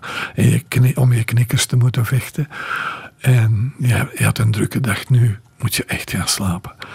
Die warme stemmen en die, die mooie warme gitaar van eh, Slowhand is heerlijk geruststellend om naar te luisteren. Voor iedere zoon, denk ik, die een vader heeft. En voor iedere vader die een zoon heeft. Maar voor mij ook omdat ik een, een fan ben van Clapton. En omdat Clapton altijd iemand is die nooit zichzelf heeft verloochend. Die altijd de blues is trouw gebleven. Eh, een mentor is geweest voor heel veel jonge gitaristen. Eh, Mick Taylor van de Rolling Stones is samen met, met hem begonnen bij eh, de, Bluesbreakers van John Mayall. Het is een, een man vol warme gevoelens en trouw. Trouw aan de roots van de muziek. Trouw aan zijn oude vriendschappen. Eh, regelmatig organiseert hij concerten waar aan al, al zijn makkers van vroeger deelnemen, aan deelnemen. Jeff Beck en eh, Peter Green en al de, die gabbers van de jaren 70. Die hij terug samenbrengt. Dat is heerlijk. Crossroads. Maar Clapton is een monument. Gewoon. Het noodlot van een kind te verliezen is jou niet één keer overkomen, maar twee keer. Hè? Ja. Dat is te veel voor één mensenleven. Ja, maar ik zit hier toch, hè. Ja. Hoe doe je dat? Ehm, je kan, ik kon dat niet door op dezelfde plek te blijven eh, waar ik dezelfde lucht had ingeademd van mijn zoon en mijn dochter. Dus ik ben onmiddellijk na de begrafenis van mijn dochter ben ik naar Wallonië vertrokken om daar eh, alleen te gaan wonen. Eh, wat zeer, eigenlijk de moeilijkste oplossing was. Gelukkig had ik veel werk, maar ik denk dat hetgeen je in zulke omstandigheden niet helpt, is van proberen rondom de put, zal ik het noemen, rondom het moeras te stappen en te doen alsof er niks gebeurd is en zo rap mogelijk je leven proberen te hervatten. Er is maar één middel en dat is rechtdoor gaan. Dus door die pijn gaan en door dat moeras waden, niet wetende waarheen dat je gaat leiden, maar niet bang zijn. Doorgaan. En eh, ik zal niet zeggen dat dat de kortste pijn is, want de pijn blijft toch duren. Eh, die, die, die raak je niet kwijt. Mm, maar verder gaan en toch geloven dat het leven mooi is. Eh, absoluut. Het leven blijft mooi. De wereld staat niet stil omdat jouw kind is gestorven. In de oorlog sterven er zoveel kinderen. Nu in Gazastrook sterven er kinderen. In, Israël sterven er kinderen. Dus eh, je bent niet uniek. Je bent geen uniek geval. Maar je moet het wel zelf helemaal alleen oplossen. Voor jezelf ben je natuurlijk wel uniek. Maar blijven geloven dat het leven mooi is, denk ik. Eh, jumperhoek optrekken en verder gaan. Zelfmedelijden is niet aan de orde. Nee, is niet aan mij besteed. Uh, absoluut niet. Uh, ik heb geen contract afgesloten toen ik uh, mijn kind kreeg. We hebben geen annulatieverzekering. We hebben geen verzekering tegen dit. Er zijn dingen waar je je niet tegen kunt verzekeren. Dat is, dat is nu eenmaal de essentie van het, van het leven. Dat, er, dat je van alles kan overkomen, maar er blijft nog genoeg over om verder te gaan blijft zeker nog genoeg. En je hebt natuurlijk je, je goede herinneringen waar je aan, aan kunt vasthouden. Maar doorlopen. Wat zijn de goede herinneringen aan jouw zoon en dochter? Ja, mijn, mijn zoon was een hele speciale. Die schreef ook heel mooie gedichten. Ehm, ondanks het feit dat hij uh, ja, nog zo jong was. Uh, zijn vrienden zeiden altijd: Jij leest zoveel. Hij las inderdaad heel veel en ging zoals ik op zoek in, in Mechelen, waar hij op kot was, in tweedehands winkels boekjes kopen. En u vond hem soms terug terwijl hij rechtstaande aan de rand van het park onder een lantaarnpaal een boek stond te lezen. Een uur of anderhalf uur aan een stuk. Zo'n uh, Quibus was mijn zoon. en mijn dochter is uh, blijft in mijn herinnering als uh, de vrouw die op haar 29ste eindelijk haar eerste kindje kreeg. En drie maanden later stierf. Maar ze, ze is moeder kunnen worden. En dat vind ik fantastisch. Dat is twee keer een onwezenlijke boodschap die je ook krijgt. Hè? Dat is een bericht ja. waar niemand op voorbereid is. Als dat wordt gemeld dat je zoon is verongelukt je dochter is gestorven? Uh, toen ik telefoon kreeg van mijn dochter, was ik, in, uh, was ik uh, bij, mij, bij mij thuis, zal ik zeggen, in Wallonië, in mijn huisje. Het was al half één s'nachts ik zat nog te lezen in bed. En ik weet nog heel goed, Erik Minne, een biografie van Rick Wouters. Sindsdien moet ik niks meer van Wouters hebben. Ik kan die, kan geen schilderij of zijn naam niet meer horen. Die, dat boek ligt ergens onderaan. Dat is, dat is daar gestopt. Uh, dat van mijn zoon, dat was de druk op de bel. En je doet de deur open, er staat een gendarm. Dat is ook slecht nieuws. Daarom heb ik heel veel pijn altijd als ik voor een huis in een gewone straat een combi zie staan dan denk ik altijd, ai, ai, slecht nieuws, slecht nieuws. Uh, er is nog iets dat ik, kwijt wil voor mensen die niet weten wat verdriet is. Men, men uh, rationaliseert verdriet. Men denkt dat het mentaal is, uh, dat het hier tussen uw oren zit. Maar verdriet is iets fysisch ook. Uh, is een Nederlandse schrijfster die dat goed uitdrukt. De naam ontsnapt me. En die zegt: Verdriet is een beest dat in uw buik zich geïnstalleerd heeft. En wanneer jij moe bent en wanneer jij wil gaan slapen, richt dat zich op. En wanneer jij je wilt oprichten, trekt dat je neer, want dan wil zij gaan slapen. En dat uit zich bij mij en bij mij. Bij mij niet alleen, bij zoveel andere mensen in gewrichtspijnen, nekpijnen, uh, kniepijnen, maagpijnen. En dat kan ja, jaren duren. Maar daar, dat, is, dat zijn juist de dingen waar je mee moet leven. Hmm. En waarbij je je niet mag neerleggen, want het haalt je zelf ook neer. En dan maak je alleen maar andere mensen nog ongelukkiger. Je hebt net hetzelfde meegemaakt als je ouders, als je vader. Straf, Ja, want die zijn ook een zoon en een dochter. Ja, absoluut. De, de geschiedenis herhaalt zich.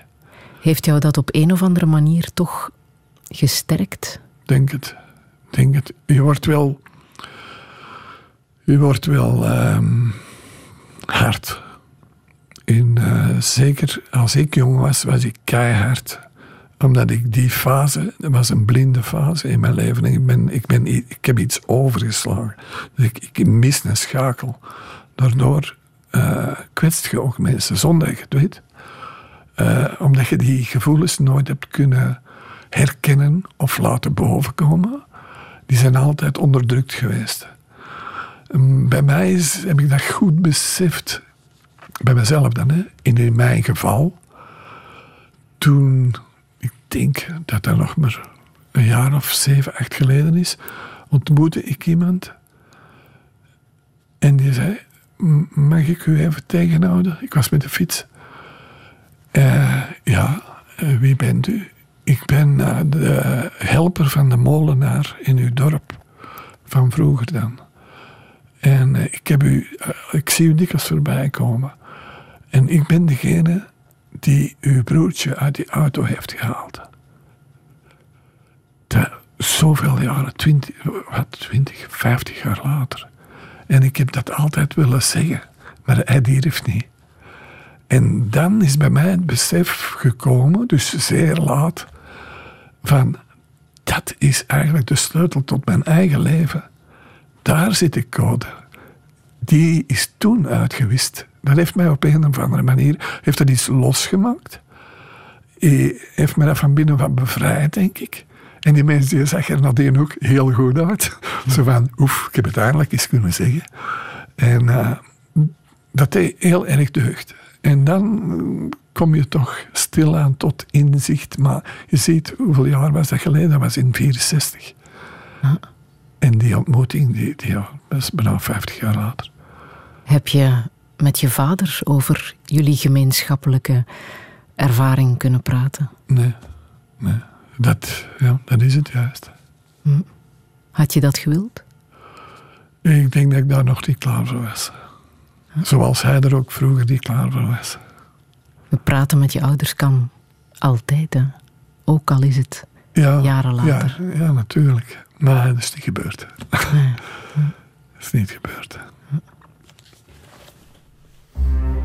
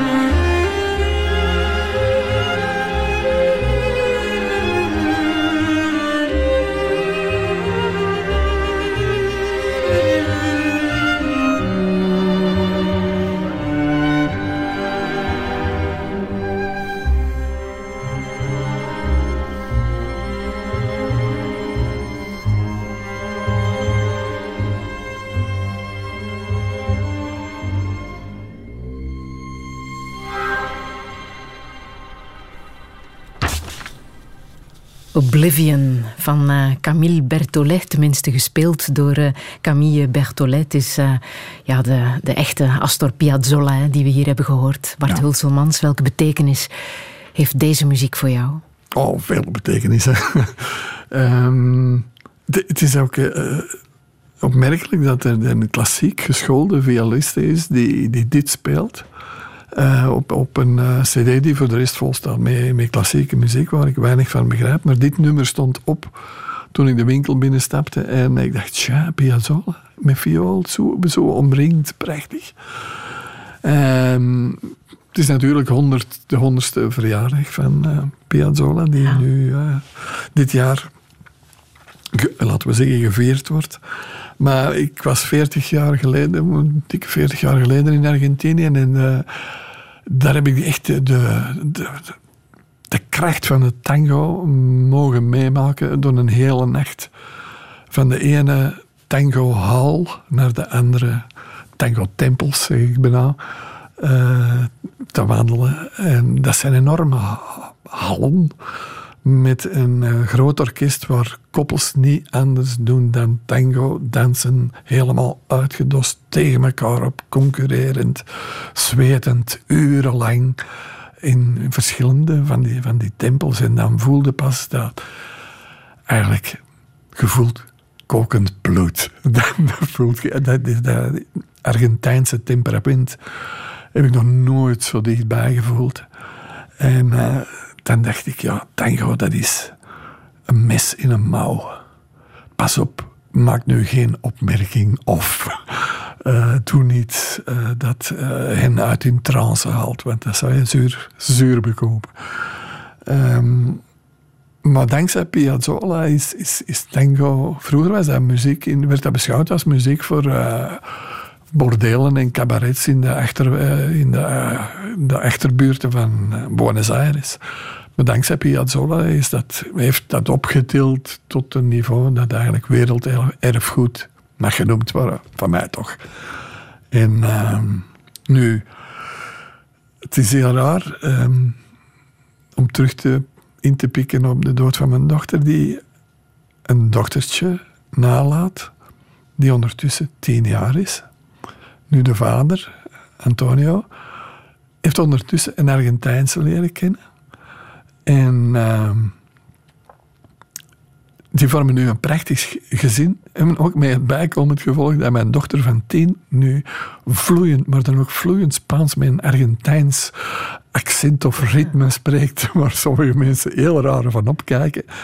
En, uh, en het grootste toeval is dan dat zij vandaag verjaart. Dus eigenlijk is dit nummer een beetje voor Cara. Het is voor haar verjaardag. Stel. Ja, ja, mooi cadeau. Ja, ja. ik hoop het.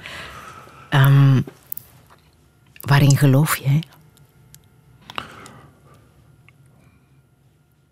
Ja, nu ben ik even uh, met een adem kwijt. Ik geloof dat alles goed komt, denk ik.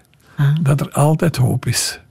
Ik ben op verschillende manieren in mijn leven in diepe putten terechtgekomen. Ik ben er toch ook altijd uit kunnen krabbelen op een of andere manier. Hoe, hoe dat, uh, ik denk niet dat dat veel belang heeft.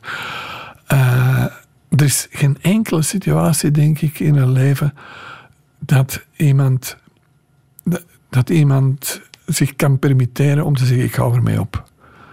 Geen enkele. Ik kan me niks bedenken. Uh, in, het programma van. Hoe heet dat weer? Um, die Antwerpse komiek. Die kale. Hij had onlangs een programma met gehandicapten. Gehubbels. Geubels. Ja. Er kwam iemand die op een, een, een, een draagberry ligt, die kon alleen nog maar zijn hoofd links en rechts draaien en, en zich uiten met een paar vingers te bewegen op een toetsenbord. Dat was de gelukkigste mens ter wereld. Verondersteld dat u dat overkomt, de eerste, de eerste tijd zou je ook zeggen: dit, dit, Ik wil eruit, ik wil eraf, ik wil weg. Maar die, zelfs die mens is gelukkig. Mensen die hun kinderen verliezen, mensen die de grootste rampen meemaken, zijn, zijn er toch voor het grootste deel ook allemaal uitgekrabbeld. En zijn toch ook hoop voor anderen die hetzelfde of minder of meer meemaken. Dus hoop, het komt goed. En de liefde helpt. En de natuurlijk. liefde helpt natuurlijk, Ja. absoluut. En de definitie van liefde is tijd. Dat heb je van Mitterrand geleerd. Ja, dat is juist. Ja, is Tijd, tijd Ja, moet je hebben om aan de liefde te kunnen geven. Absoluut. Ja, moet je jezelf gunnen. Ja. Als je destijds naar Wallonië bent getrokken, is er nu misschien ook een tijd waarom je terug naar Antwerpen bent verhuisd? Om die Ja. tijd te geven aan je geliefde? Ja, ehm, er is iets heel raar aan Wallonië. Eh, Wallonië charmeert je. Haalt het beste in jezelf boven. Als je er permanent woont, echt, je leert de mensen kennen, je leert de omgang. Eh, je wordt zelf een beetje waal. Stukje voor stukje word je, word je waal. Je kan er niet tegenhouden, dat kruipt in je vel. Maar de charme waarom je er kwam wonen, kan zich ook tegen u keren. De stilte, het feit dat er niks gebeurt, dat je zeven kilometer moet rijden als je eh, eh, eh, margarine ze vergeten of eh, vergeten bent van een brood te kopen. De afwezigheid van enig vertier of van cultureel eh, activiteiten op de lange, tij- op de lange termijn eh, heeft me dat geleid tot de vaststelling dat me dat meer kwaad dan goed doet. En ik heb daar alles geleerd, ik heb er alles uitgehaald wat ik er kon uithalen. Maar ik heb het gevoel van, ik mag niet blijven steken. Ik moet verder, ik moet voort. Er moet iets anders komen. Ik mag En er komt iets anders, hè? Er komt iets anders, hè? Je gaat ja. varen. Ja, ik ben van plan van met mijn bootje eh, tot Marseille te varen en dan daar ergens permanent een stek te vinden. En Niet alleen. het plan, nee, niet alleen gelukkig. niet meer alleen. Er is een spreeuwtje Ja, er is een spreeuwtje. geland in jouw nest. Ja. Ja. En eh, van ginder ergens iets te zoeken en daar te blijven. Ja. Zullen we nog eindigen met Le Temps des Cerises, Bobbiaan Schoepen en Gijke Arnaert? En Gijke Arnaert. Ja. Omdat daar jouw boodschap in verwerkt zit? Ja, ergens wel, omdat de Temps des Cerises is, het liedje van de Franse commune in 1870, omdat het in, juist tijdens die slachtpartij in Parijs is geboren, is, is gecomponeerd. Eh, maar het gaat niet over eh, strijd, het gaat niet over eh, melancholie van het, omwille van het bloed dat gevloeid is, want er zijn er 20.000 burgers over de kling gehaald. Het is eigenlijk de bittere vaststelling dat onbezorgde liefde niet bestaat. Dat liefde toch altijd ook met krassen en met scheuren en met pijn gepaard gaat. En dat je wel kunt verlangen naar de temps maar helemaal echt en perfect wordt het nooit.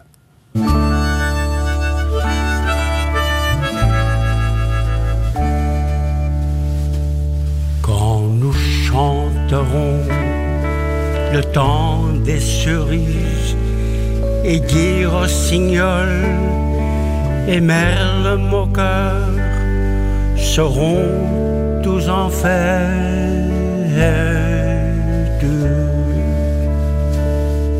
Les belles auront la folie en tête et les amoureux du soleil au cœur. Quand nous chanterons le temps des cerises, sifflera bien mieux le merle moqueur. Mais il est bien court le temps des cerises où l'on s'en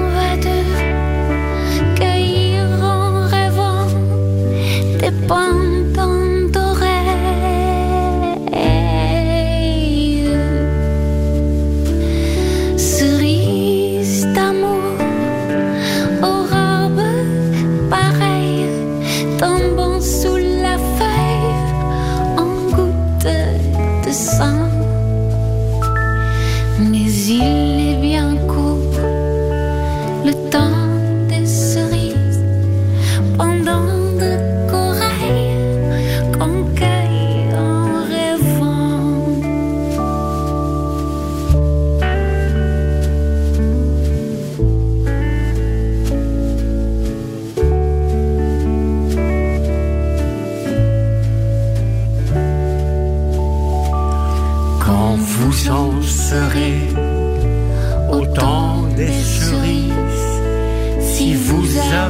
avez peur des chagrins d'amour, évitez les belles.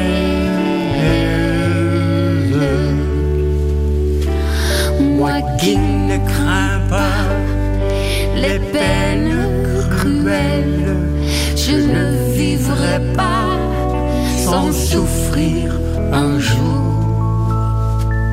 Bobbiaan, Schoepen en Gijken, Arnaert en Le Ton de Cerise, dat zegt alles. Ik dank Bart Hulselmans en eh, ik wens je vooral ook een heel behouden vaart. Alle info van de dingen die hier ter sprake zijn gekomen staan na te lezen op radio1.be. En volgende week komt Raf Njotea, collega-scenarist van uh, De Dertigers. Nog een heel fijne zondag. Herbeluister Douché via de podcast, de Radio 1-app en radio1.be.